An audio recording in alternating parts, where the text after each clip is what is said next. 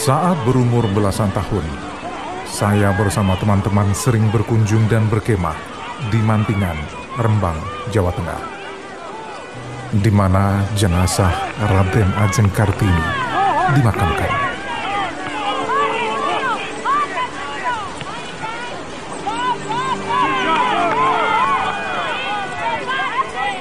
Di bukit kecil di sekitar makam Kartini, ada sebuah dam atau bendungan kecil.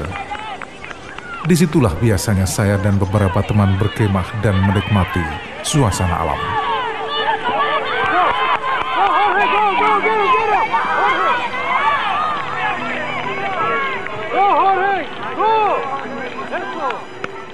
Pada saat yang sama, saya mulai mereka-reka. Siapa sebenarnya sosok yang ditahbiskan sebagai pahlawan emansipasi ini?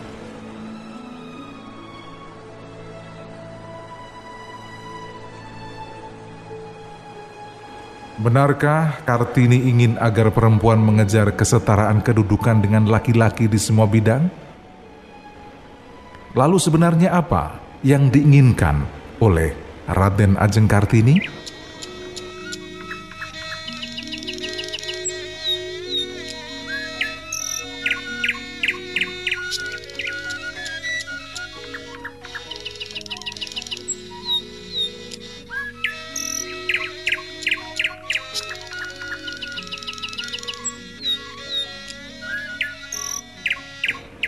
Kartini tumbuh di lingkungan Jawa yang teguh memegang adat istiadat.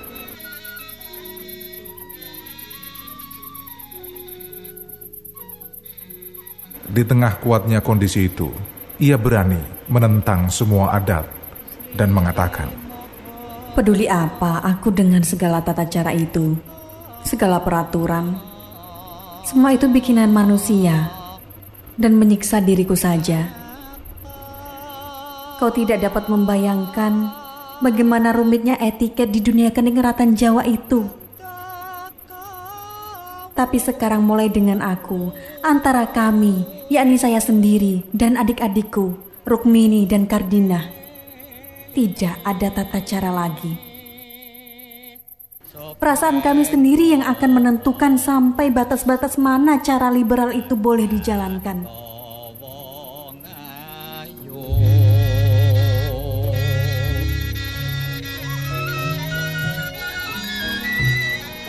Seperti itulah surat yang ditulis Kartini kepada sahabatnya, Stella, pada tanggal 18 Agustus 1899.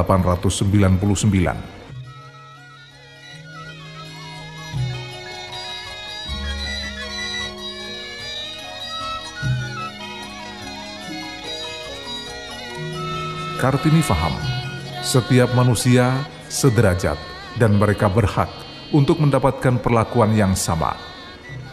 Karena itu ia menolak keras adat yang membedakan manusia berdasar pada asal keturunannya. Tak salah jika ia berkesimpulan seperti itu, karena jauh sebelumnya pemerintah Belanda telah berhasil menanamkan rasa rendah diri pada masyarakat pribumi.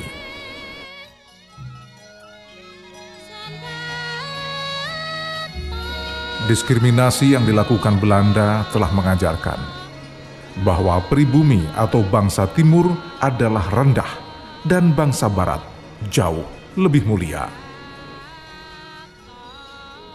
Kartini lalu menyimpulkan bahwa pangkal kemunduran dan rasa rendah diri yang dialami oleh masyarakat adalah minimnya pendidikan. Kaum pribumi adalah kaum terbelakang dan bodoh. Sementara pendidikan menjadi hak paten bagi kalangan ningrat dan para penjajah. Hari ini menjelang akhir bulan Juni 1903, sekolah atau perguruan pertama bagi putri-putri Jawa di Hindia Belanda dinyatakan dibuka.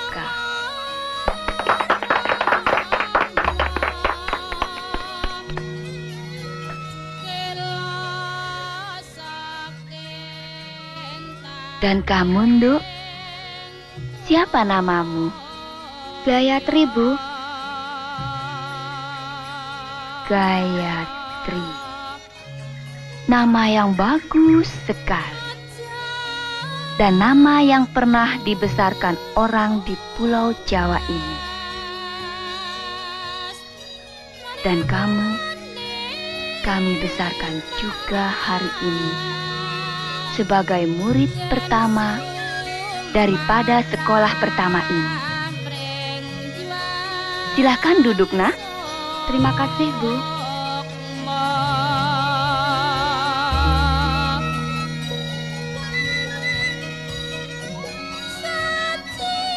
Perjuangan Kartini diawali dengan membenahi pendidikan bagi kalangan pribumi, tak terkecuali kaum wanita.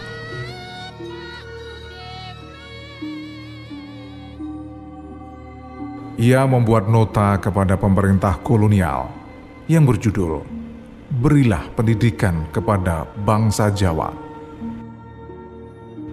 Dalam nota itu, Kartini mengajukan kritik dan saran kepada hampir semua departemen pemerintah Hindia Belanda, kecuali Departemen Angkatan Laut. Untuk itu, Kartini merasa perlu belajar ke Barat seperti surat yang ia kirimkan kepada Nyonya Ovingshur tahun 1900. Aku akan meneruskan pendidikanku ke Holland, karena Holland akan menyiapkan aku lebih baik untuk tugas besar yang telah kupilih.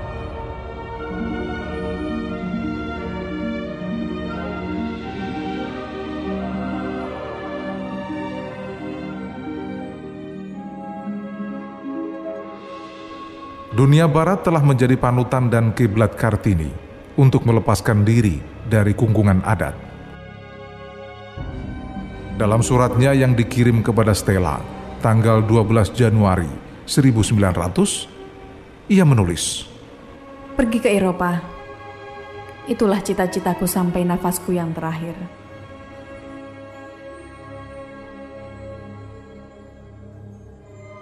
Namun cita-cita itu harus kandas di tangan para sahabatnya yang tak ingin Kartini mempunyai pemahaman lebih maju dari mereka. Jelas sulit bagi Kartini untuk bertahan di lingkungan yang bertentangan dengan pemikiran dan idealismenya. Di tengah kuatnya kungkungan adat dan derasnya serangan pemikiran barat, Kartini terus mencari jawaban.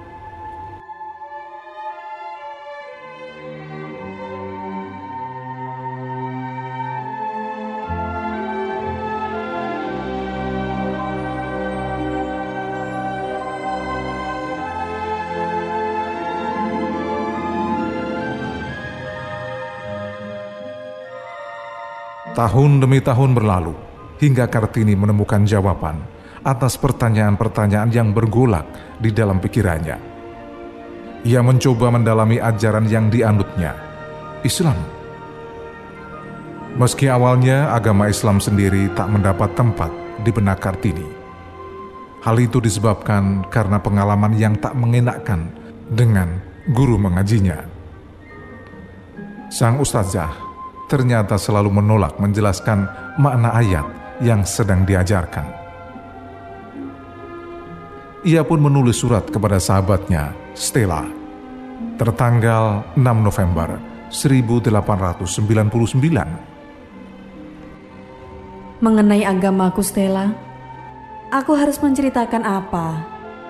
Agama Islam melarang umatnya mendiskusikannya dengan umat agama lain. Lagi pula sebenarnya agamaku karena nenek moyangku juga Islam. Bagaimana aku dapat mencintai agamaku kalau aku tidak mengerti dan tidak boleh memahaminya. Al-Quran terlalu suci. Tidak boleh diterjemahkan ke dalam bahasa apa pun. Di sini tidak ada orang yang mengerti bahasa Arab. Di sini orang diajar membaca Al-Quran, tetapi tidak mengerti apa yang dibacanya. Kupikir pekerjaan orang gilakah? Orang diajar membaca tetapi tidak diajar makna yang dibacanya itu. Sama saja halnya seperti engkau mengajarkan aku buku bahasa Inggris. Aku harus hafal kata demi kata, tetapi tidak satu patah kata pun yang kau jelaskan kepadaku.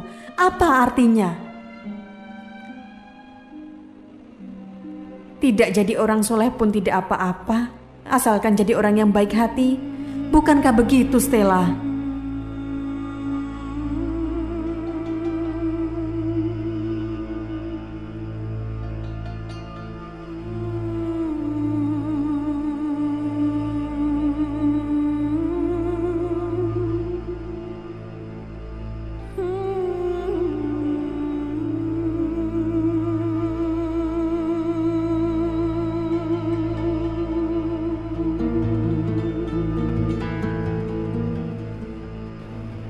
Suatu hari Kartini bertemu dengan Kiai Haji Muhammad Soleh bin Umar. Beliau adalah ulama besar dari Darat, Semarang, Jawa Tengah. Dan pertemuan itu kemudian mengubah segalanya. Kartini awalnya sangat tertarik pada terjemah surat Al-Fatihah yang disampaikan oleh sang kiai. Ia pun mendesak salah satu pamannya untuk menemani bertemu Kiai Soleh Darat. Kiai perkenankan saya menanyakan, bagaimanakah hukumnya apabila seorang yang berilmu namun menyembunyikan ilmunya?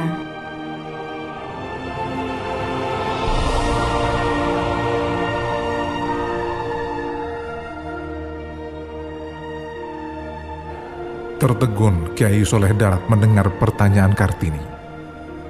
Lalu Kiai Soleh Darat balik bertanya, Mengapa Raden Ajeng bertanya seperti itu? Kiai, selama hidupku baru kali inilah aku sempat mengerti makna dan arti surat pertama dan induk Al-Quran. Yang isinya begitu indah, sungguh menggetarkan sanubariku. Maka bukan main rasa syukur hatiku kepada Allah.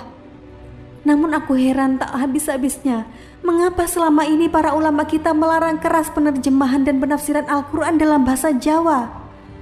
Bukankah Al-Quran itu justru kita pimpinan hidup bahagia dan sejahtera bagi manusia?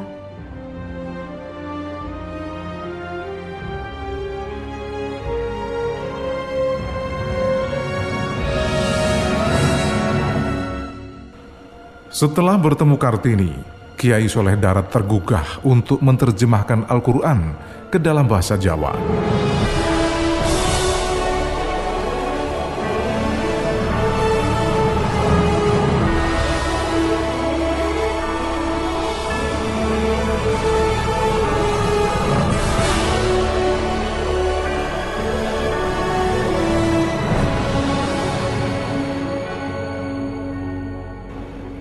Pada hari pernikahan Kartini, yakni 12 November tahun 1903, Kiai Soleh Darat menghadiahkan terjemahan Al-Quran atau Faizur Rahman Fit Tafsir Quran, jilid pertama, yang terdiri dari 13 juz, mulai dari surat Al-Fatihah sampai surat Ibrahim.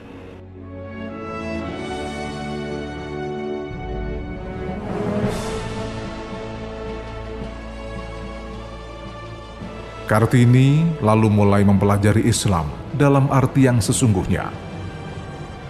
Sayang, tak lama setelah penyerahan terjemahan Al-Quran itu, Kiai Soleh Darat wafat. Padahal belum tuntas ayat-ayat Al-Quran diterjemahkan dalam bahasa Jawa. Meski begitu, kecerdasan dan luasnya cara pandang Kartini telah menyebabkan ia banyak memahami ayat-ayat Al-Quran yang dipelajarinya. Ia pun menulis kepada Nyonya Abendanon pada tanggal 27 Oktober 902. Tadinya kami mengira bahwa masyarakat Eropa itu benar-benar satu-satunya yang paling baik. Tiada tara. Maafkan kami Tetapi apakah ibu sendiri menganggap masyarakat Eropa itu sempurna?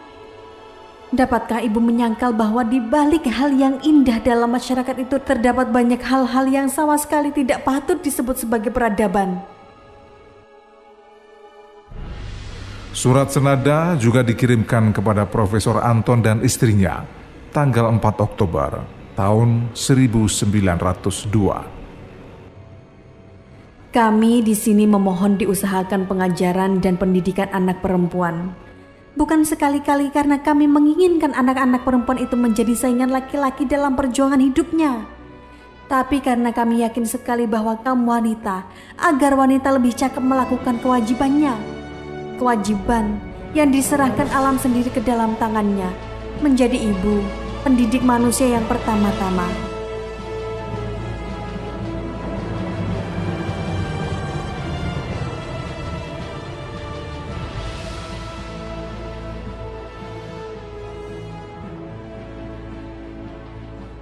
Berhari-hari membaca surat Raden Ajeng Kartini di Universitas Leiden, dibantu oleh salah seorang profesor yang ada di sana.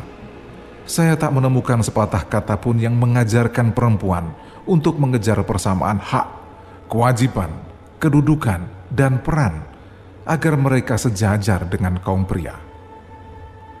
Kartini bahkan menekankan kebangkitan seseorang ditandai oleh kebangkitan cara berfikirnya ia mengupayakan pengajaran dan pendidikan bagi wanita, semata-mata demi peningkatan berpikir kaumnya, supaya lebih cakap menjalankan kewajiban sebagai seorang perempuan.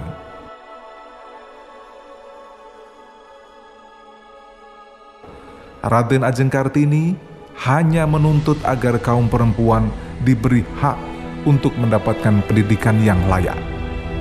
Tidak lebih dari itu.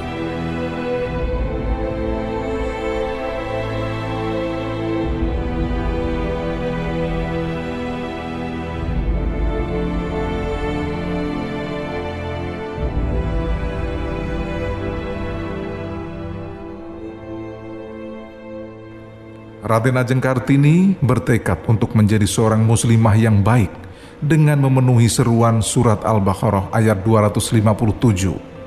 Mina zulumati ila nur atau dari kegelapan menuju cahaya. Dan ayat-ayat itulah yang mendorongnya untuk berubah dari pemikiran yang salah kepada ajaran Allah Subhanahu wa taala.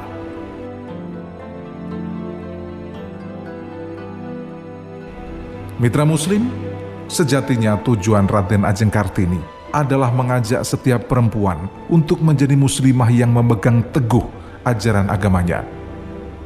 Hal itu sesuai dengan suratnya kepada Nyonya Abendanon tertanggal 15 Agustus 1902. Alangkah bebal dan bodohnya kami.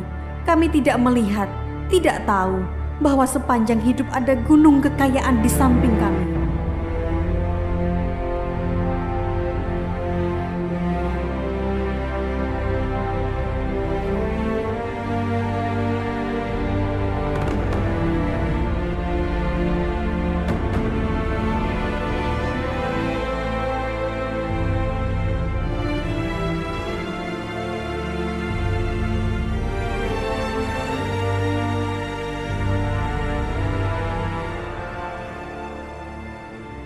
Dan Gunung Agung yang dimaksud Raden Ajeng Kartini itu adalah Al-Quran Nul Karim.